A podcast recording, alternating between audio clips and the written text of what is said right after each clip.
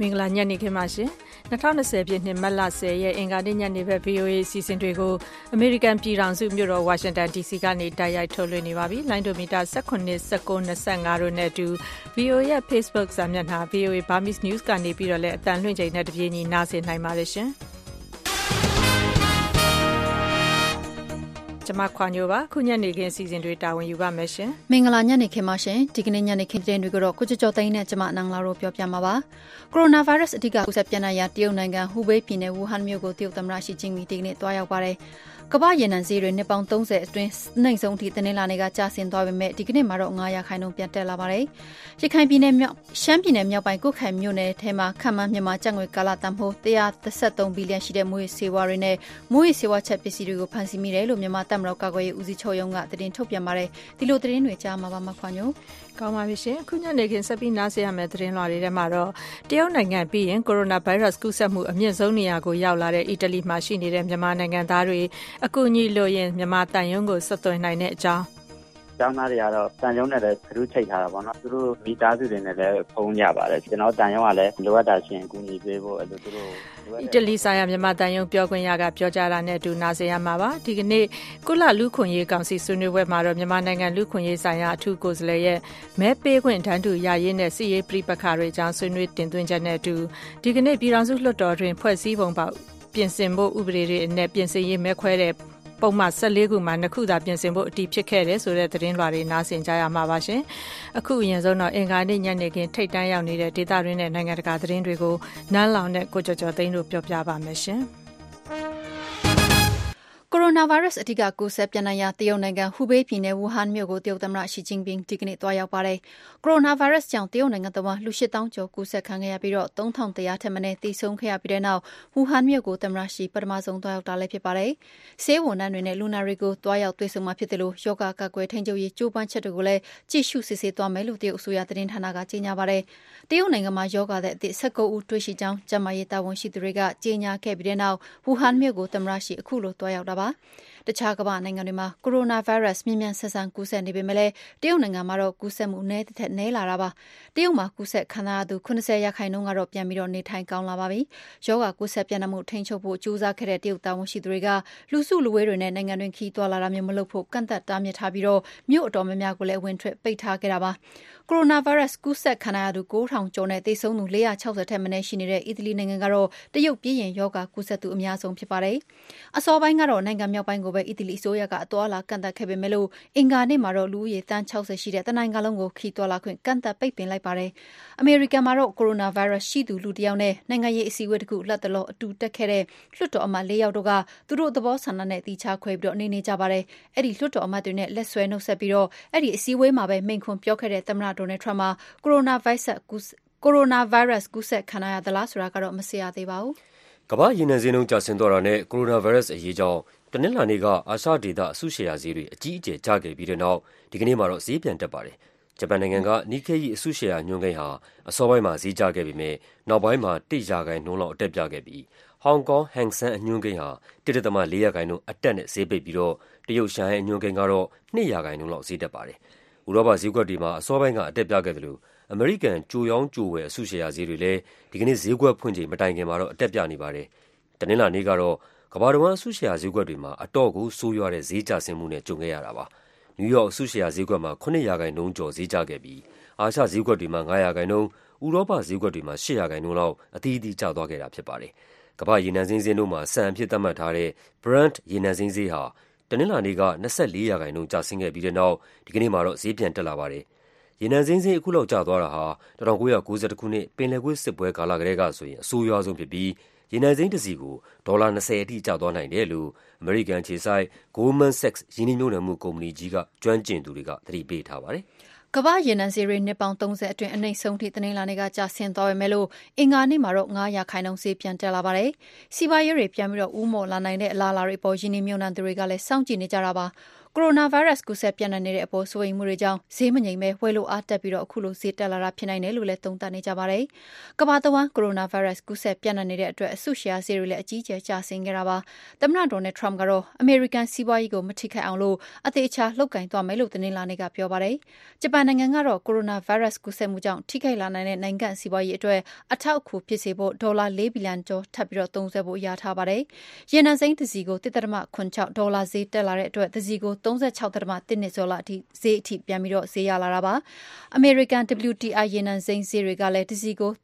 1.65ဒေါ်လာအထိဈေးမြင့်ခဲ့ပြီးတော့တစီကို32.8ဒေါ်လာအထိဈေးပြန်ရနေပါတယ်။တနင်္လာနေ့တုန်းကတော့ရေနံဈေးတွေ25ရာခိုင်နှုန်းအထိထိုးကျခဲ့တာပါ။ဒါဟာ2016ခုနှစ်ဖေဖော်ဝါရီလနောက်ပိုင်းအနှိမ့်ဆုံးနဲ့ထိုးကျခဲ့တာဖြစ်ပြီးတော့1990ခုနှစ်ဇန်နဝါရီလမှာဖြစ်ပွားခဲ့တဲ့ပထမပင်လယ်ကွေ့စစ်ပွဲကာလနောက်ပိုင်းဆိုရင်တော့တရက်ထဲမှာအနှိမ့်ဆုံးအထိဈေးတွေထိုးကျခဲ့တာလည်းဖြစ်ပါတယ်။ အထူးကိုယ်ပိုင်အုပ်ချုပ်ခွင့်ရ ဟောင်ကောင်ကျွန်းမှာ ကိုရိုနာဗိုင်းရပ်စ် အန္တရာယ်ကြောင့် နောက်ထပ် ပိတ်ပင်ကန့်သတ်တာတွေ ချမှတ်လိုက်တဲ့အကြောင်း အုပ်ချုပ်ရေးမှူး Carrie Lam က ဒီကနေ့ ကြေညာပါတယ်။ uh, the uncertainty in the global situation,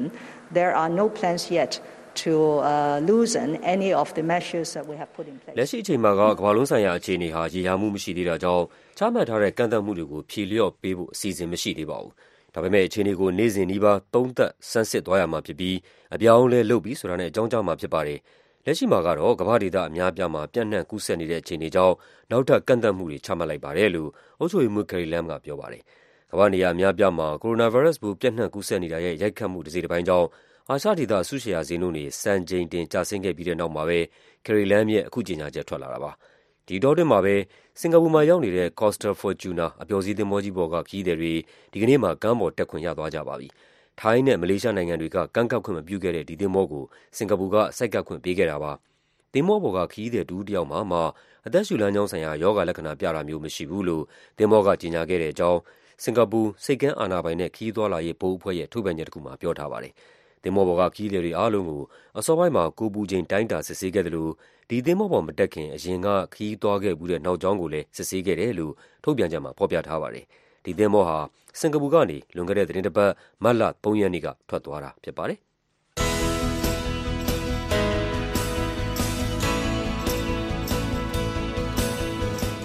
VOA American တန်ညနေဘက်မြန်မာဘာသာအစီအစဉ်တွေကိုညနေ6နာရီခွဲကနေညနေ9နာရီထိလိုင်းဒိုမီတာ7 kHz 10683ညလိုင်းဒိုမီတာ19 kHz 15563နဲ့လိုင်းဒိုမီတာ25 kHz 11965တို့ကနေထုတ်လွှင့်ပေးနေပါတယ်ရှင်။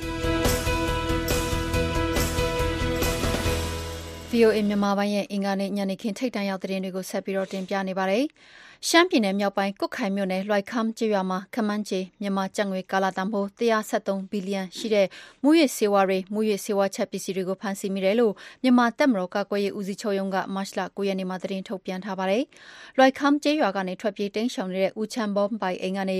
WY စရမ်းပါစိတ်ကြွဆေးပြားတွေ88မြင်းဆောင်တစ်စရမ်းမှာပန်းရောင်စိတ်ကြွဆေးပြားတွေအပါအဝင်မူရစ်စေဝါချက်ရမှာတုံးတဲ့အခြားဆက်ဆက်ပစ္စည်းမျိုးစုံကိုဖမ်းဆီးရမိခဲ့တယ်လို့လည်းဖော်ပြထားပါတယ်။ဦးလျိုအဲပိုင်နေအိမ်ကနေလည်းခမန်းကာလာကျပ်ငွေတန်ဖိုး3.9ဘီလီယံကျော်တန်ဖိုးရှိတဲ့အလားတူစိတ်ကြွဆေးပြား18သိန်းကျော်ဘိန်းဖြူ1420ဂရမ်နဲ့မူရစ်ဆေးချရာမှာသုံးတဲ့အခြားဆက်ဆက်ပစ္စည်းမျိုးစုံကိုပိုင်ရှင်မဲ့အဖြစ်ဖမ်းဆီးရမိခဲ့တယ်လို့လည်းဖော်ပြထားပါတယ်။အိမ်ရှင်ဦးလျိုအဲကတော့ထွက်ပြေးတိမ်းရှောင်နေပါတယ်။ကုတ်ခိုင်မြို့နယ်ထက်ကကောင်းခါနဲ့လွိုက်ခမ်ရွာအနီးပတ်ဝန်းကျင်ဒေသကိုအစိုးရလုံခြုံရေးတပ်ဖွဲ့ဝင်တွေကဖေဖော်ဝါရီလ28ရက်နေ့ကနေဒီလ10ရက်နေ့ထိနယ်မြေရှင်းလင်းခဲ့တာမှာတော့မူရစ်ဆေးဝါးတွေအပြင်လက်နက်မျိုးစုံကိုပါဖမ်းဆီးမိခဲ့တယ်လို့လည်းမြန်မာတပ်မတော်ကာကွယ်ရေးဦးစီးချုပ်ရုံးက မတ်လ10ရက်နေ့မှာ သတင်းထုတ်ပြန်ထားပါတယ်။အခုလို ရှာဖွေဖမ်းဆီးမိတဲ့အထက်မှာ စိတ်ကြွဆေးပြားမျိုးစုံ ဘိန်းဖြူ ဘိန်းညို ဘိန်းဖြူခဲ ဘိန်းစီခဲ ဆေးပြားမုံဘိန်းစိမ့်နဲ့ ဆေးဝါးချက်ပစ္စည်းမျိုးစုံအပါအဝင် စုစုပေါင်း မြန်မာကျပ်ငွေ ခန့်မှန်းတန်ဖိုး144ဘီလီယံကျော်ဖို့ရှိတဲ့အကြောင်းလည်း သတင်းထုတ်ပြန်ထားပါတယ်။2020ပြည့် အမေရိကန်သမ္မတရွေးကောက်ပွဲမှာ ဒီမိုကရက်တစ်ပါတီကို ကိုယ်စားပြုပြီး ယှဉ်ပြိုင်မယ့် သမ္မတလောင်းအတွက် ပါတီတွင်း အကြိုရွေးချယ်ပွဲတွေ လုပ်နေတာမှာ ဒီကနေ့ အင်္ဂါနေ့မှာတော့ မီရှီဂန်ပြည်နယ်အပါအဝင် ပြည်နယ် ၆ ခုမှာ အကြိုရွေးချယ်ပွဲတွေလုပ်ဖို့ရှိပါတယ်။ ဒီကနေ့ အကြိုရွေးချယ်ပွဲလုပ်မယ့် ပြည်နယ် ၆ ခုထဲမှာ မီရှီဂန်ပြည်နယ်ဟာ အကြီးဆုံးဖြစ်ပြီးလက်ရှိအချိန်ထိ ထွက်ထားတဲ့ လူထုစစ်တမ်းတွေအရ ဒုတိယသမ္မတဟောင်း Joe Biden က Vermont ပြည်နယ် အထက်လွှတ်တော်အမတ် Bernie Sanders ထက် ထောက်ခံမှု ပိုရထားပါတယ်။၂၀၁၆ ခုနှစ်မှာ မစ္စတာ Sanders နဲ့ နိုင်ငံခြားရေးဝန်ကြီးဟောင်း Hillary Clinton တို့ မီရှီဂန်ပြည်နယ်မှာ ယှဉ်ပြိုင်ခဲ့ချိန်တုန်းကတော့ မစ္စတာ Sanders အနိုင်ရခဲ့ပါတယ်။ဒါပေမဲ့လည်း အခုတော့ မစ္စတာ Biden က ၁၀%ထက်မနည်း ထောက်ခံမှု ပိုရနေတာပါ။ ဒီကနေ့ အကြိုရွေးချယ်ပွဲလုပ်မယ့် တခြားပြည်နယ်တွေကတော့ ဝါရှင်တန်၊မစ်ဇိုရီ၊မစ္စစ္စစ်ပီ၊အိုင်ဒါဟိုနဲ့ မြောက်ဒါကိုတာပြည်နယ်တွေ ဖြစ်ပါတယ်။ပြီးခဲ့တဲ့ မတ်လ ၃ ရက်နေ့တုန်းက ပြည်နယ် ၁၄ ခုမှာ Super Tuesday အကြိုရွေးချယ်ပွဲတွေ လုပ်ခဲ့ပြီးကတည်းကဆိုရင် အခု အကြိုရွေးချယ်ပွဲတွေဟာ ပထမဆုံး ပြန်ကျင်းပတဲ့ ရွေးချယ်ပွဲတွေ ဖြစ်ပါတယ်။အဲဒီ Super Tuesday အကြိုရွေးချယ်ပွဲတွေမှာတော့ မစ္စတာဘိုင်ဒန်က ပြည်နယ် ၁၀ ခုမှာ အနိုင်ရပြီး မစ္စတာဆန်ဒတ်စ်ကကာလီဖိုးနီးယားပြည်နယ် အပါအဝင် ပြည်နယ်လေးခုမှာ အနိုင်ရခဲ့ပါတယ် ကမ္ဘာနဲ့တဝန်းကိုရိုနာဗိုင်းရပ်စ်ကူးစက်ပျံ့နှံ့နေတဲ့အတွက်ရေနံဈေးတွေကျဆင်းနေသလိုဈေးကွက်စီးပွားရေးအထိခိုက်နေတဲ့အပေါ်အမေရိကန်သမ္မတထရမ့်ကပြဿနာကိုသိအရေးမကြီးအောင်ရှော့ဖို့ပြောဆိုလိုက်ပါတယ်။အမေရိကန်မှာမနေ့တနင်္လာနေ့ကအဆိုရှယ်ဈေးကွက်စပွင့်ချင်းမှာပဲ S&P 500ညွန်ကိန်းက9ရာခိုင်နှုန်းကျခဲ့တာပါ။ဓာတ်ဆီဈေးကျတာကကောင်းတဲ့အချက်ဖြစ်တယ်လို့ကိုရိုနာဗိုင်းရပ်စ်ကူးစက်ပျံ့နှံ့နေတာနဲ့ပတ်သက်လို့လည်းဒီမားတွေကြောင့်လူတွေအထိတ်တလန့်ဖြစ်ရတယ်လို့သမ္မတထရမ့်က Twitter ပေါ်မှာရေးသားခဲ့ပါတယ်။တနင်္လာနေ့တုန်းကတော့သမ္မတထရမ့်ကစီးပွားရေးအကြံပေးပညာရှင်တွေတွေ့ဆုံပြီးတော့ကိုရိုနာဗိုင်းရပ်စ်ကူးစက်ပျံ့နှံ့မှုကြောင့်စီးပွားရေးအပေါ်ရိုက်ခတ်နိုင်ခြေကိုဆွေးနွေးခဲ့တာပါ။သမ္မတထရမ့်ကသူ့အနေနဲ့ဒီရောဂါပြန့်နှံ့မှုကြောင့်ရိုက်ခတ်လာနိုင်တဲ့ကိစ္စတွေပေါ်သိပ်ကောင်းတဲ့အစီအစဉ်တွေလုပ်ထားတယ်လို့ပြောဆိုသွားပါတယ်။လက်ရှိအမေရိကန်မှာကိုရိုနာဗိုင်းရပ်စ်ကူးစက်ခံရသူ600ကျော်လာပြီးတော့သေဆုံးသူ26ဦးရှိနေတဲ့အပေါ်မှာလည်းဒီမိုကရက်လွှတ်တော်အမတ်ဘာနီဆန်နာကတော့သမ္မတအစိုးရရဲ့ကင်တွယ်ပုံတွေနဲ့ပတ်သက်ပြီးတော့ဝေဖန်ပြောဆိုခဲ့ပါတယ်။သမ္မတထရမ့်မှာဒီကိုရိုနာဗိုင်းရပ်စ်နဲ့ပတ်သက်ပြီးတော့အတိတ်အနဲ့ကိုခံမှန်းနိုင်စွမ်းမရှိသလိုသူ့ရဲ့လက်လွတ်စပယ်ပြောဆိုနေတာတွေကြောင့်လည်းပြည်သူတွေနဲ့တကမ္ဘာလုံးကလူတွေစုဝေးစွာဖြစ်ပြီးတော့စိတ်ရှုပ်ကြရတယ်လို့လည်းပြောဆိုခဲ့ပါတယ်။ အာဖဂန်နစ္စတန်နိုင်ငံ စစ်အခြေစိုက်စခန်းနှစ်ခုကနေ အမေရိကန်တပ်ဖွဲ့တွေကို စပြီး ရုပ်သိမ်းနေပြီလို့ အမေရိကန် တာဝန်ရှိသူတဦးက ဒီကနေ့ပြောပါတယ်။တိုက်ပွဲတွေ ကျယ်ကျယ်ပြန့်ပြန့် ဆက်ဖြစ်နေပြီး နိုင်ငံရေးအကျပ်အတည်းနဲ့ ကြုံနေရချိန် အာဖဂန်အစိုးရနဲ့ တာလီဘန်အဖွဲ့အကြား ငြိမ်းချမ်းရေးဆွေးနွေးပွဲတွေ ဒီကနေ့ စတင်ဖို့ရှိနေချိန်မှာပဲ အမေရိကန်တပ်တွေ စပြီး ရုပ်သိမ်းနေတဲ့အကြောင်း ပြောတာပါ။အ မေရိကန်နဲ့ တာလီဘန်အဖွဲ့အကြား ပြီးခဲ့တဲ့လက ကာတာနိုင်ငံ၊ဒိုဟာမြို့မှာ လက်မှတ်ရေးထိုးခဲ့တဲ့ သဘောတူညီချက်အရ တာလီဘန်အဖွဲ့အနေနဲ့ လုံခြုံရေးဆိုင်ရာ ကတိကဝတ်တွေကို ထိန်းသိမ်းသွားမယ်ဆိုရင် အာဖဂန်နစ္စတန်မှာရှိတဲ့ ပြည်ပတပ်ဖွဲ့တွေကို ၁၄ လအတွင်း ရုပ်သိမ်းပေးရမှာဖြစ်ပါတယ်။သဘောတူညီချက်အရ လက်ရှိ အမေရိကန်တပ်ဖွဲ့ဝင်အရေအတွက် ၁၂,၀၀၀ လောက်ကနေ ဇူလိုင်လလယ် နောက်ဆုံးထားပြီး ကနဦးအဆင့်မှာ ၈,၆၀၀ အထိ လျှော့ချဖို့နဲ့ အာဖဂန်နိုင်ငံတဝန်း အမေရိကန် စစ်အခြေစိုက်စခန်း ၂၀ လောက်ထဲက ၅ ခုကို ပိတ်ပစ်ရမှာဖြစ်ပါတယ်။ အာဖဂန်နစ္စတန်နိုင်ငံတောင်ပိုင်း၊ Helmand ပြည်နယ်ရဲ့မြို့တော် Lashkar Gah မှာရှိတဲ့ စစ်အခြေစိုက်စခန်းနဲ့ အရှေ့ပိုင်းက Herat ပြည်နယ်မှာရှိတဲ့ နောက်ထပ်အခြေစိုက်စခန်းတခုကနေ တပ်ဖွဲ့တွေ စပြီး ရုပ်သိမ်းနေတဲ့အကြောင်း အမည်မဖော်လိုတဲ့ အမေရိကန်တာဝန်ရှိသူတဦးက AFP သတင်းဌာနကို ပြောတာပါ။ Helmand ပြည်နယ်နဲ့ အိမ်နီးချင်း Kandahar ပြည်နယ်တို့ဟာ တာလီဘန်တပ်ဖွဲ့တွေရဲ့ အခိုင်အမာနေရာတွေဖြစ်ပြီး ၁၈ နှစ်ကြာ စစ်ပွဲအတွင်း တာလီဘန်တွေနဲ့ အမေရိကန်၊ဗြိတိသျှတပ်ဖွဲ့တွေအကြား အပြင်းထန်ဆုံး တိုက်ပွဲတချို့ ဖြစ်ခဲ့တဲ့ဒေသတွေပါခင်ဗျာ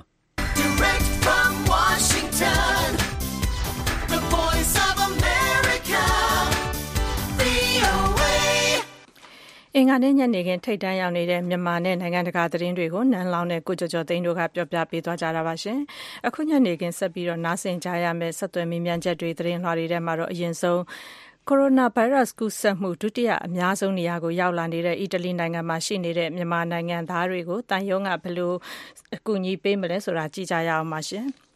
COVID-19 ကူးစက်မှုနှုန်းနဲ့ သေဆုံးမှုနှုန်း ဒုတိယအမြင့်ဆုံးဖြစ်လာနေတဲ့ အီတလီနိုင်ငံမှာ ရှိနေကြတဲ့ မြန်မာနိုင်ငံသားတွေ အကူအညီလိုအပ်လာခဲ့ရင် မြန်မာသံရုံးကို ဆက်သွယ် အကြောင်းကြားဖို့ သံရုံးတာဝန်ရှိသူက ပြောပါတယ်။လက်ရှိအချိန်ထိတော့ အီတလီမှာရှိနေတဲ့ မြန်မာနိုင်ငံသားတွေထဲမှာ ကိုရိုနာဗိုင်းရပ်စ်ပိုး ကူးစက်ထားသူ ရှိပြီဆိုတဲ့ သတင်းမျိုး မထွက်လာသေးပါဘူး။ဒီသတင်းအပြည့်အစုံကို VOA မြန်မာပိုင်း သတင်းထောက်မဆုစုက ဆက်ပြောပြပါမယ်။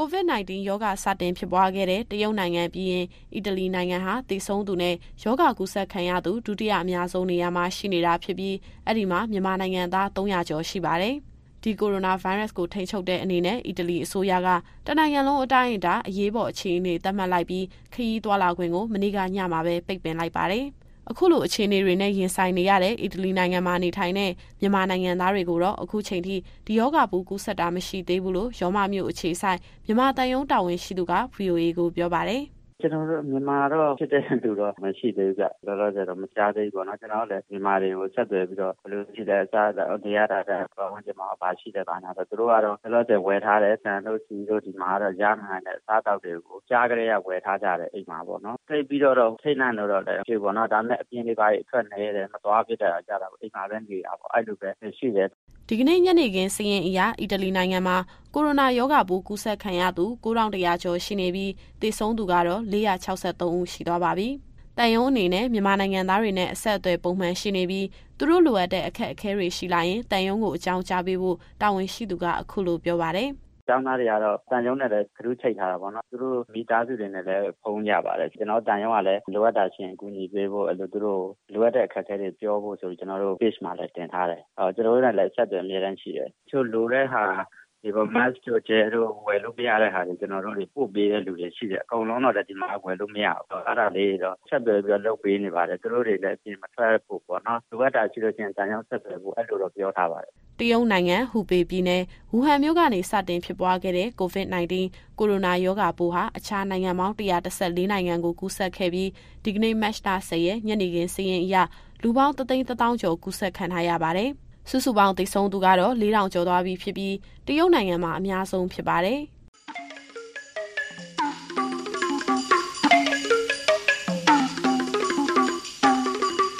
COVID-19 ရောဂါကမ္ဘာမှာကျေပြန့်လာတဲ့တစ်ချိန်နဲ့လူလူကြားမှာထိတ်လန့်စိုးရိမ်မှုတွေလည်းတိုးထွက်တိုးလာနေပါတယ်။မြန်မာနိုင်ငံမှာကိုရိုနာဗိုင်းရပ်စ်ကူးစက်မှုအခုချိန်ထိအတိမပြုတ်နိုင်သေးပေမဲ့ယောဂကာကွယ်ရေးနဲ့ယောဂထိန်းချုပ်ရေးပြင်ဆင်စရာရှိတာတွေကိုတော့ပြင်ဆင်ရမှာဖြစ်ပါတယ် မြန်မာတာဝန်ရှိသူတွေအနေနဲ့ COVID-19 ရောဂါကာကွယ်ရေးနဲ့ ထိန်းချုပ်ရေးအတွက် လက်ရှိပြင်ဆင်ဆောင်ရွက်မှုတွေဟာ အားရကျေနပ်စရာရှိပါသလား လူလူကရော ဒီယောဂပိုးပြန့်နှံ့မှုနဲ့ပတ်သက်လို့ သိရှိနားလည်ပြီးတော့ယောဂကာကွယ်ရေးကိုနီလန်းတကျ ပြင်ဆင်ထားနိုင်ပါရဲ့လား လာမယ့် အင်္ဂါနေ့ညပိုင်းဒဲလီလိုက်အစီအစဉ်မှာ ဆွေးနွေးသွားဖို့ စီစဉ်ထားပါတယ် ပါဝင်ဆွေးနွေးမြင်းမြလိုတဲ့ သောရရှင်အနေနဲ့ ကိုယ့်ရဲ့တယ်လီဖုန်းနံပါတ်တွေ ကြိုပြီးတော့ပြပို့ထားမယ်ဆိုရင်ဒဲလီလိုက်အစီအစဉ် ထုတ်လွှင့်တဲ့အချိန်မှာ ခေါ်ယူမှာဖြစ်ပါတယ် ဒါမှမဟုတ်ကိုယ့်ရဲ့အမြင်ကိုယ့်ရဲ့မိကုန်းတွေကိုစာနဲ့ဖြစ်စေအတန်ဖိုင်နဲ့ဖြစ်စေကြိုပြီးတော့ပြီးပို့ထားလို့လည်းရပါတယ်။ VOA မြန်မာပိုင်းရဲ့ဖုန်းနံပါတ်က12392325554ဖြစ်ပြီးတော့ email လိပ်စာက burmese@voanews.com ဖြစ်ပါတယ်။ပါဝင်ဆွေးနွေးမေးမြန်းကြမယ့်သောရရှင်တွေကိုကြိုဆိုပါရခင်ဗျာ။ ဒီနေ့ည9:00နာရီခွဲမှာဒီကိုရိုနာဗိုင်းရပ်စ်မြန်မာပြည်တွင်းမှာထပ်ဟိုကာကွယ်ထိန်းချုပ်ရေးအကြောင်းဆွေးနွေးလိုတယ်ဆိုရင်အချိန်မီဆက်သွယ်ကြဖို့ထပ်ပြီးတော့ဖိတ်ခေါ်ပါရစေရှင်။အခုတော့ဒီကနေ့လူခွင့်ရေးကောင်စီမှာမြန်မာပြည်အကြောင်းဘာတွေဆွေးနွေးခဲ့ကြသလဲဆိုတာကိုပြောပြပေးပါမယ်။ မြန်မာနိုင်ငံမှာ အခုနှစ်ဟာထွေထွေရွေးကောက်ပွဲ ကျင်းပမယ့်နှစ်ဖြစ်တာမို့ လွတ်လပ်စွာ ပြောဆိုခွင့်နဲ့ မဲပေးခွင့်တွေ တန်းတူရရှိရေးအတွက် နိုင်ငံတကာအနေနဲ့ အထူး စောင့်ကြည့် အကဲဖြတ်ကြရမယ်လို့ မြန်မာလူ့အခွင့်အရေးဆိုင်ရာ ကုလအထူးကိုယ်စားလှယ်က ပြောပါတယ်။ရခိုင်ပြည်နယ်နဲ့ပတ်သက်လို့ လက်ရှိ ရိုဟင်ဂျာ နေရပ်ပြန်ရေးကိစ္စအပြင် လက်ရှိဖြစ်နေတဲ့ စစ်ရေးပဋိပက္ခတွေကြောင့် ရခိုင်ဒေသခံတွေအတွက် အင်မတန် စိုးရိမ်စရာဖြစ်နေတယ်လို့လည်း ကုလအထူးကိုယ်စားလှယ်က လူ့အခွင့်အရေးကောင်စီကို ပြောသွားပါတယ်။လူ့အခွင့်အရေးကောင်စီအတွင်း မြန်မာအရေးနဲ့ပတ်သက်လို့လို့ ဒီကနေ့ ပြောဆိုဆွေးနွေးချက်တွေကို ကိုသားညွန့်ဦးက ဆက်ပြီးတော့ပြောပြပါမယ်ရှင်။မြန်မာနိုင်ငံမှာ ဒီနေ့ထဲလုံးမဲ့အထူးထူးရွေးကောက်ပွဲ အချိန်နီးလာတဲ့မျှ လွတ်လပ်စွာပြောဆိုခွင့် လွတ်လပ်စွာစုဝေးခွင့် လွတ်လပ်စွာမဲပေးခွင့်တွေနဲ့ ပတ်သက်လို့ နိုင်ငံတော်များများရဲ့ စိုးရိမ်မှုတွေ တိုးလာတာကို ဒီကနေ့ လူခွင့်ရေးကောင်စီ ဆွေးနွေးချက်ဒီမှာ တွေ့ရပါတယ်။မြန်မာနိုင်ငံရဲ့ အခုနှစ်အခြေအနေကို နိုင်ငံတကာအနေနဲ့ အထူးစောင့်ကြည့်သွားလိမ့်မယ်လို့ ကုလအထူးကိုယ်စားလှယ်ယန်ဟီလီကပြောဆိုပါတယ်။ This is a very important year for Myanmar and as we have seen uh, there has been increase မြန်မာအတွက်ဒီနှစ်ဟာအင်မတန်အရေးကြီးတဲ့နှစ်ပါ NLD အစိုးရအာဏာရလာကြတဲ့ကဆိုလို့ရှိရင်နိုင်ငံရေးပြောကနဲ့ဖမ်းဆီးမှုအတော်များများရှိခဲ့တာတွေ့ရပါတယ်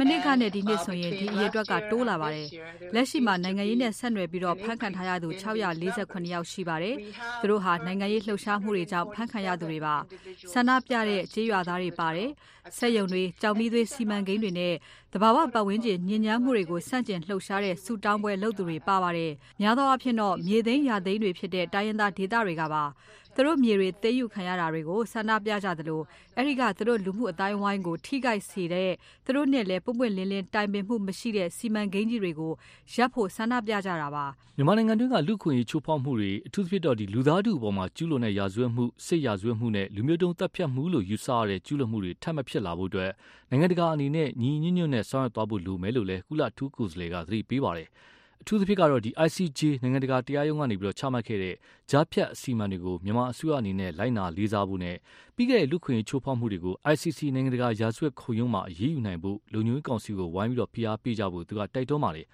မြန်မာအင်ဒီဂျင်တရုတ်နိုင်ငံကတော့နိုင်ငံတကာအနေနဲ့မြန်မာနိုင်ငံရင်ဆိုင်နေရတဲ့အခြေအနေကိုနားလည်ဖို့နဲ့နိုင်ငံတနိုင်ငံရဲ့အချုပ်အခြာကိုလေးစားဖို့လို့ပြောပြီးတော့မြန်မာဘက်ကနေပြီးတော့ခုခံကာကွယ်ပေးခဲ့ပါတယ် The international community should respect နိုင်ငံတကာအနေနဲ့မြန်မာနိုင်ငံရဲ့အချုပ်အခြာကိုလေးစားပြီးတော့လူ့အခွင့်အရေးတိုးတက်ဖို့အတွက်မြန်မာအစိုးရရဲ့အားထုတ်ကြိုးပမ်းမှုတွေအောင်မြင်မှုတွေကိုအတိအမှတ်ပြုသင့်ပါတယ်။မြန်မာနိုင်ငံရင်ဆိုင်နေရတဲ့အခက်အခဲတွေစိန်ခေါ်ချက်တွေကိုလည်းထည့်တွက်ရပါမယ်။ဒါပေမဲ့လည်းမလေးရှားလိုမျိုးမြန်မာနဲ့ဒေသအတွင်းကနီးကပ်တဲ့နိုင်ငံချို့ကတော့ ရခိုင်ပြဿနာဟာဒေသကိုပါရိုက်ခတ်မှုရှိနေတာမို့လို့ဒါဟာအလျင်စလိုကိုဖြေရှင်းရမယ်လို့ဆိုနေပါတယ်။ The long ongoing crisis in Rakhine State has ရခိုင်ပြည်နယ်အတွင်းအချိန်တော်ကြာကလေးကဖြစ်နေတဲ့အကြက်တဲကြီးဟာကြီးမားတဲ့ရွှေပြောင်းအခြေချမှုတွေကိုဖြစ်စေပြီးအဲ့ဒီကိစ္စဟာမလေးရှားအပါအဝင်အိန္ဒိချင်းတွေကိုရိုက်ခတ်လာပါတယ်။ဒီအကြက်တဲကိုဖြေရှင်းဖို့ လက်တွေ့ကျတဲ့ဆောင်ရွက်မှုတွေအရေးပေါ်လိုအပ်နေပါတယ်။ဥရောပနိုင်ငံတွေဘက်ကတော့ရွေးကောက်ပွဲနီးလာတာနဲ့အမျှလွတ်လပ်စွာပြောဆိုခွင့်တွေကိုပိတ်ပင်တာမျိုးတွေကိုပိုပြီးတော့စိုးရိမ်နေကြပါတယ်။ဗြိတိရှတန်ကူစလေကတော့ရခိုင်နဲ့ချင်းကအင်တာနက်ပိတ်ပင်တာမျိုးဟာလူခွင့်ချိုးဖောက်မှုသတင်းတွေကိုပိတ်ပင်တာမျိုးဖြစ်နေတယ်လို့သူကထောက်ပြပါတယ်။ The UK is alarmed by growing restrictions on freedom of expression. We urge the Myanmar government to lift the internet shutdown in Rakhine and Chin states အင်တာနက်ပြတ်တောက်မှုတွေကိုပြန်ရုပ်ဖို့ဆိုရကိုတိုက်တွန်းပါတယ်။ဒီလိုကန့်သက်တာဟာလူခွင့်ချိုးဖောက်မှုသတင်းတွေကိုပိတ်ပင်နှောက်ယှက်ရရောက်တယ်လို့ အဲ့ဒီကဒေတာကန်တွေရဲ့ဘဝအတွက်လည်းအများကြီးထိခိုက်နစ်နာစေပါတယ်။နိုင်ငံတော်များများကဒီရိုဟင်ဂျာရေးနဲ့ပတ်သက်ပြီးတော့သူတို့ရဲ့စိုးရင်ချက်တွေပြောပြီးဒီအရေးယူဖို့ကိစ္စမှာမတူတဲ့သဘောထားတွေရှိပေမဲ့အားလုံးရဲ့တူညီမှုကတော့ရိုဟင်ဂျာတွေနေရပြန်ရေးကိုမြန်မြန်ဆန်ဆန်ဆောင်ရွက်ဖို့ဖြစ်ပါတယ်။ရိုဟင်ဂျာအသုံးလုံးလက်မခံတဲ့မြန်မာနိုင်ငံဘက်ကလည်းဒီနေရပြန်ရေးကိုမူအားဖြင့်လက်ခံထားပေမဲ့အောင်မြင်မြင်တော့ဆောင်နိုင်တာမျိုးမရှိသေးပါဘူး။ အခုဒီကနေ့ဆွေးနွေးပွဲကတော့ဒီကုလအထူးကိုယ်စားလှယ် Miss ယန်ဟီလီရဲ့တင်ပြချက်တွေပေါ်မှာအဓိကထားဆွေးနွေးတာဖြစ်ပြီးတော့ Miss ယန်ဟီလီအတွက်လည်းဒါဟာမြန်မာနိုင်ငံနဲ့ပတ်သက်လို့သူ့ရဲ့နောက်ဆုံးဒီလူခွင့်ကောင်စီမှာတင်ပြခြင်းဖြစ်ပါတယ်။သူဟာ2014ခုနှစ်ကလေးကတာဝန်ယူလာတာဖြစ်ပြီးတော့အခုသက်တမ်းကုန်ဆုံးလို့အသစ်တယောက်ကိုခန့်ရတော့မှာဖြစ်ပါတယ်။သူတာဝန်ယူစဉ်ကာလအတွင်းမှာမြန်မာနိုင်ငံမှာဒီမိုစီအသွင်ကူးပြောင်းမှုအခြေအနေကိုသူကိုယ်တိုင်ကြုံတွေ့ခဲ့ရတာပါ။ However, very ဒါပေမဲ့အင်မတန်ဝမ်းနည်းစရာကောင်းတာကတော့အာအောင်မြင်မြင်နဲ့မြန်မာဒီမိုကရေစီအသွင်ကူးပြောင်းနိုင်မှုအတွက်အတော်လုံးရအောင်မယ်ဆိုတာကျွန်မသဘောပေါက်လာပါတယ်။ဒါပေမဲ့လည်းနိုင်ငံတကာအတိုင်းဝိုင်းကမူအားဖြင့်ခိုင်ခိုင်မာမာရပ်တည်ပြီးတော့ထောက်ခံနေခြင်းအဖြစ် မြန်မာနိုင်ငံဟာ လူ့အခွင့်အရေးပြည့်ဝတဲ့ ဒီမိုကရေစီနိုင်ငံကို အသွင်ကူးပြောင်းနိုင်မယ်ဆိုတာ ကျွန်မယုံကြည်ထားပါတယ်။သက်တမ်းကုန်သွားတဲ့ဒီ Miss Yahili နေရာမှာတော့ American အောက်လွှတ်တော်အမတ်ဟောင်း Tom Andrews ကို အမည်စင်းတင်သွင်းထားပြီးတော့အခုဒီလုံနေတဲ့ လူခွင့်ညီလာခံအတွင်းမှာအတည်ပြုဆုံးဖြတ်ဖို့ ရှိနေပါတယ်ခင်ဗျာ ကိုသားညုံပြောပြခဲ့တဲ့ဒီကနေ့လူခွင့်ရေးကောင်စီကမြန်မာရေးတင်ပြဆွေးနွေးချက်တွေကို VOA Facebook စာမျက်နှာမှာဖြစ်စေ VOA ရဲ့ website မှာဖြစ်စေပြန်ပြီးတော့နားဆင်ဖတ်ရှုနိုင်ပါတယ်။အခုဖွဲ့စည်းပုံပြင်ဆင်ရေးဘယ်ပုံမှန်တွေအတည်ပြုနိုင်ခဲ့တယ်လဲဆိုတာပြောပြပါမယ်ရှင်။2008ဖွဲ့စည်းပုံအခြေခံဥပဒေဒုတိယအကြိမ်ပြင်ဆင်ရေးဥပဒေမူကြမ်းပါပုံမှန်14ခုကိုဒီကနေ့မဲခွဲဆုံးဖြတ်တာမှာပုံမှန်2ခုပဲထောက်ခံမဲ့အများစုနဲ့ပြင်ဆင်ဖို့အတည်ဖြစ်ပါတယ်ပြင်ဆင်ဖို့တင်ထားတဲ့ထဲကတပ်မတော်ရဲ့လုတ်ပိုင်ခွင့်နဲ့ပတ်သက်တဲ့အခြေခံဥပဒေပါပြဋ္ဌာန်းချက်တွေကတော့လိုအပ်တဲ့ထောက်ခံမဲ့မရတဲ့အတွက် အရေးနှိမ်သွားပါတယ် ပြည်ထောင်စုလွှတ်တော်အတွင်း ဒီကနေ့ မဲခွဲဆုံးဖြတ်ခဲ့ကြတဲ့ အခြေအနေပေါ်မှာ လေ့လာသူတွေရဲ့ မှတ်ချက်တွေနဲ့အတူ VOA သတင်းတောက် မမေခကစူးစီးတင်ပြထားပါတယ်ရှင်ဒီကနေ့ မဲခွဲဆုံးဖြတ်တဲ့ ပုံမှားတွေထဲမှာ အိုမင်းမစွမ်း ဆိုတဲ့ စာသားကိုတက်ကြီးရွယ်ကိုဆိုတာနဲ့ အစားထိုးပြင်ဆင်တာမတန်မစွမ်း ဆိုတာကိုမတန်စွမ်း လို့ အစားထိုးပြင်ဆင်တာ စတဲ့ ပုံမှန်နှစ်ခုပဲ အတီးဖြစ်ခဲ့ကြောင်း ပြည်အောင်စုလွတ်တော်နိုင်ကဥတီခွန်မြက်ကအခုလိုကြေညာသွားခဲ့ပါတယ်။ပုံမှန်30နဲ့ပုံမှန်ခွဲကကြီးပြင်ဆင်မှုအတွက်ထောက်ခံဆန္ဒမဲ့984名ဖြစ်ပါတယ်။85ရာခိုင်နှုန်းကျော်ထောက်ခံတဲ့အတွက်ပြင်ဆင်ရေးဆက်လက်ဆောင်ရွက်သွားမှာဖြစ်ကြောင်းအတည်ပြုကြေညာပါတယ်။ပုံမှန်30နဲ့ပုံမှန်ခွဲခခွေပြင်ဆင်မှုအတွက်ထောက်ခံဆန္ဒမဲ986မဲဖြစ်ပါတယ်။ 95ရာခိုင်နှုန်းကျော်ထောက်ခံတဲ့အတွက်ပြင်ဆင်ရေးဆက်လက်ဆောင်ရွက်သွားမှာဖြစ်ကြောင်းအတည်ပြုကြေညာပါတယ်။ကျန်တဲ့ပုံမှန်တွေကတော့လိုအပ်တဲ့ထောက်ခံမှုအလုံးလောက်မရတဲ့အတွက်ပြင်ဆင်ရေးမကြခဲ့ပါဘူး။ဒီကနေ့ပြည်ထောင်စုလွှတ်တော်အစည်းအဝေးတက်သူ633ဦးရှိပြီးခွင့်ယူတဲ့သူက21ဦးရှိခဲ့ပါတယ်။လက်ရှိပြည်ထောင်စုလွှတ်တော်မှာကိုယ်စားလှယ်စုစုပေါင်း900နီးပါးရှိနေပြီး ထောက်ခံမဲ့85ရာခိုင်နှုန်းရမှပြင်နိုင်မဲ့ပုံမှားတွေအတွက်ကိုယ်စားလှယ်အယောက်900ရဲ့ထောက်ခံမဲ့ရဖို့လိုအပ်ပါတယ်။ပြည်အောင်စုလွှတ်တော်မှာ NLD လွှတ်တော်ကိုယ်စားလှယ်380ဦးရှိပြီးတက်မတော်သားလွှတ်တော်ကိုယ်စားလှယ်က166ဦးတိုင်းရင်းသားပါတီတွေအခြားပါတီတွေနဲ့တသီးပုဂ္ဂလတွေကစုစုပေါင်း68ဦးပြည်ထောင်စုကြံ့ခိုင်ရေးနဲ့ဖွံ့ဖြိုးရေးပါတီက40ဦးရှိနေတာဖြစ်လို့ NLD အနေနဲ့ပြင်ဆင်ခြင်းနဲ့ပုံမှားတွေပြင်နိုင်ဖို့ဆိုရင်သူ့ကိုယ်စားလှယ်တွေရဲ့မဲအပြင်နောက်ထပ်မဲတရာကျော်လိုအပ်နေတာဖြစ်ပါတယ်။ဒီကနေ့မဲခွဲမှုနဲ့ပတ်သက်လို့ရခိုင်မျိုးသားပါတီကဥဖေတန်းကတော့ပြင်ဆင်ရေးမှာဆွေးနွေးမှုရလဒ်တွေမကောင်းခဲ့တာမို့မျှော်လင့်စရာမရှိဘူးလို့ဆိုလိုက်ပါတယ်။အကုန်လုံး137ချက်အဲ့ဒါကိုဆွေးနွေးခဲ့တဲ့အချိန်ကာလမှာကြည့်ချင်းအားဖြင့်ဒီဘက်ကတင်တဲ့ပုံမှန်ကိုဘက်ကကန့်ကွက် ဟိုဘက်ကတင်တဲ့ ပုဒ်မကို ဒီဘက်က ကန့်ကွက် အဲ့လိုအနေအထားမျိုးပဲ တွေ့ခဲ့တယ်။ဘယ်ပုဒ်မမှ ကျွန်တော်တို့ ထောက်ခံပါတယ်တစ်ဖက်ကိုတစ်ဖက် အဲ့လိုမျိုး ကျွန်တော်တို့ မတွေ့ရဘူး။ဘယ်ပုဒ်မမှအဖြစ်လာကြအကြောင်းမရှိဘူးလို့ မြင်တယ်။နော်ဆွေးနွေးမှုရလာကတော့ လုံးဝမကောင်းပါဘူး။သူတို့အနေနဲ့တော့ မဲခွဲတဲ့အခါမှာ နည်းနည်းများ ပြောင်းလဲလာမလားဆိုတဲ့ ပုံစံမျိုးနဲ့အဲဒီစာရေးစာတမ်းနဲ့ချိုးရမယ်စနစ်ကိုတော့ သုံးတာပေါ့ ဆိုလိုတာကအဲဒါမှကျွန်တော်တို့ ကြည့်ရတာကတော့ဟို တစ်ဖက်နဲ့တစ်ဖက်အားနာလို့အလျှော့ပေးနေတာမဟုတ်ဘူးတကယ်ကိုအားအထိမခံမင်းနဲ့တစ်ဖက်တစ်ဖက်ဆွေးနွေးနေကြတာမြင်တော့လေကျွန်တော်တို့ကတော့ဘယ်ပုံမှန်မှအတီးဖြစ်လာကြအကြောင်းမရှိဘူးလို့မြင်ပါတယ်နိုင်ငံရေးလေးလာစောင့်ကြည့်သူတဦးဖြစ်တဲ့ဦးမင်းခင်ကလည်း NLD ပါတီဟာတိုင်းရင်းသားပါတီတွေနဲ့ညှိနှိုင်းလှုပ်ဆောင်မှုမရှိတဲ့အပေါ်ထောက်ပြဝေဖန်သွားခဲ့ပါတယ်။400မကျော်တွေ300ကျော်နေရှိတယ်အဲ့ဒါတွေကြတော့ဒါတိုင်းရင်းသားပါတီတွေဘက်ကဒီပြည်စင်ချက်ကို သဘောမတူဆိုတဲ့အဓိပ္ပာယ်ရောက်တယ်လေသူတက်တကကန့်ကွက်နေဆိုတာပြည်ပြီးသားအဲ့တော့အရေးကြီးတဲ့ချက်တွေအားလုံးကိုပြင်နိုင်မှာမဟုတ်ဘူးဆိုတော့လည်းပြည်ပြီးသားနိုင်ငံကြီးကဘယ်လိုအကျိုးမြတ်ရှိမလဲဆိုတာစဉ်းစားရမယ်ကိုယ့်ရည်ချက်ကိုပြနိုင်တယ်နော်တဲ့ရည်ချက်ပေါ်လို့လည်းနော်အကြောင်းအကျိုးတွေကိုဟလာလူများပြအောင်စဉ်းစားအောင်နော်စဉ်းစားဆင်ခြင်နိုင်အောင်လုပ်ပေးနိုင်တယ်။ရှေ့ဘယ်လိုဆက်သွားကြမလဲဆိုတဲ့နေရာမှာအနည်းဆုံးဒီဖွဲ့စည်းပုံ အခြေခံတွေကို ပထမတဆင့်ဖြစ်ဖြစ် ပြင်ဆင်နိုင်ရေးအတွက် တိုင်းရင်းသားနဲ့ဆက်တွဲပြီးတော့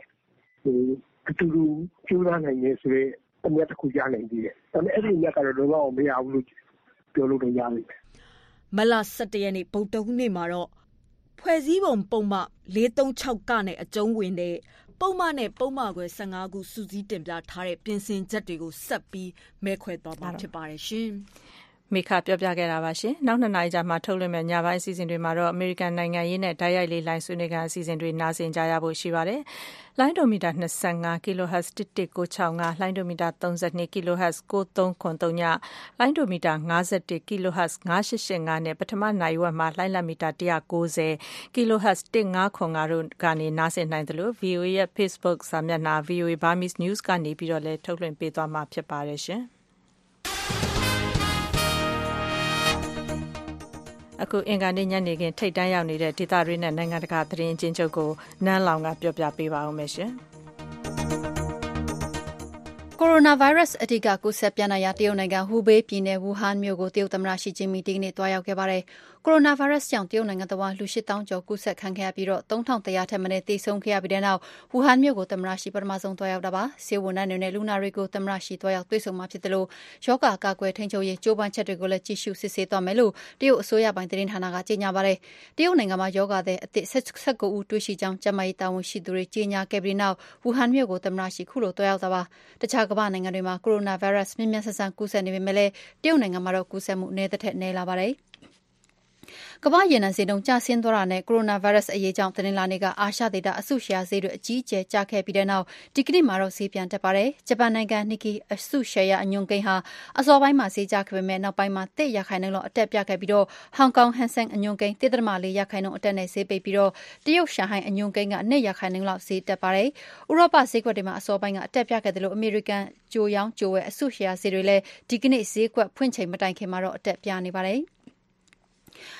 ရှမ်းပြည်နယ်မြောက်ပိုင်းကွတ်ခိုင်မြို့နယ်လွိုင်ခမ်ကျေးရွာမှာခန့်မှန်းခြေမြန်မာကျပ်ငွေကာလတန်ဖိုး173ဘီလီယံရှိတဲ့မူးယစ်ဆေးဝါးတွေမူးယစ်ဆေးဝါးချက်ပစ္စည်းတွေကိုဖမ်းဆီးမိတယ်လို့မြန်မာတပ်မတော်ကာကွယ်ရေးဦးစီးချုပ်ရုံးကမတ်လ9ရက်နေ့မှာသတင်းထုတ်ပြန်ပါတယ်။လွိုင်ခမ်ကျေးရွာကနေထွက်ပြေးတိမ်းရှောင်နေတဲ့ဦးချမ်းဘောပိုင်အိမ်ကနေ WY ဆာရမှာစိတ်ကြွဆေးပြားတွေ88ဆာရမှာပန်းရောင်စိတ်ကြွဆေးပြားတွေအပါအဝင်မူးယစ်ဆေးဝါးချက်အမှာတုံးတဲ့အခြားဆက်ဆက်ပစ္စည်းတွေကိုဖမ်းဆီးမိခဲ့တယ်လို့လည်းဖော်ပြထားပါတယ်။ဦးလျော်အပိုင်တွေကနေလည်းခမန်းကာလာကျပ်ငွေ3.9ဘီလီယံကျော်တန်ဖိုးရှိတဲ့အလွားတူစိတ်ပြဆေးပြားတွေကိုဖမ်းဆီးမိခဲ့တာဖြစ်ပါတယ်။ အင်္ဂါနေ့ညနေခင်းထိပ်တန်းရောက်နေတဲ့ မြန်မာနဲ့ နိုင်ငံတကာ သတင်းအကျဉ်းချုပ်ကို နန်းလောင်ပြောပြပေးသွားတာပါ။အခုညနေ အစီအစဉ်ထုတ်လုပ်ရေးမှူးက ကိုကျော်ကျော်သိန်းဖြစ်ပြီး အသံဖန်အင်ဂျင်နီယာကတော့ Mikhail Dubinsky ဖြစ်ပါတယ်ရှင်။အခု အသံလွှင့်နေတဲ့ ရေဒီယိုအစီအစဉ်ပြီးပြီးချင်း Interset 17 နဲ့ Mia Set 3တို့ကနေဓာတ်ရိုက် ထုတ်လွှင့်ပေးမဲ့ VOA နေ့စဉ် TV အစီအစဉ်ကိုလည်း ကြည့်ရှုနိုင်ကြပါတယ်ရှင်။ VOA သောရရှင်များနဲ့တကွ မြန်မာပြည်သူပြည်သားအားလုံး ကိုရစိတ်ပါရှင်လန်းချမ်းမြေ့ကြပါစေ။ VOA ကို အားပေးနားဆင်တဲ့အတွက် ကျေးဇူးတင်ပါတယ်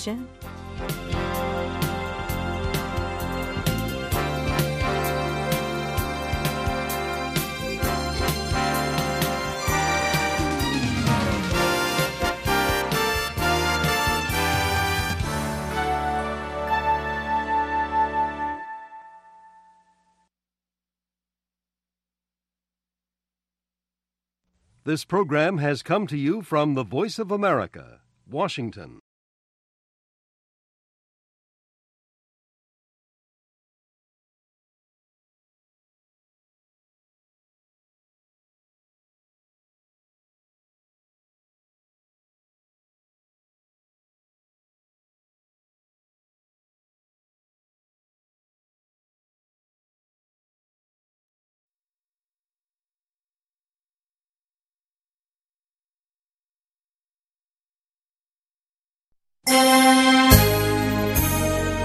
From Washington, this is VOA News.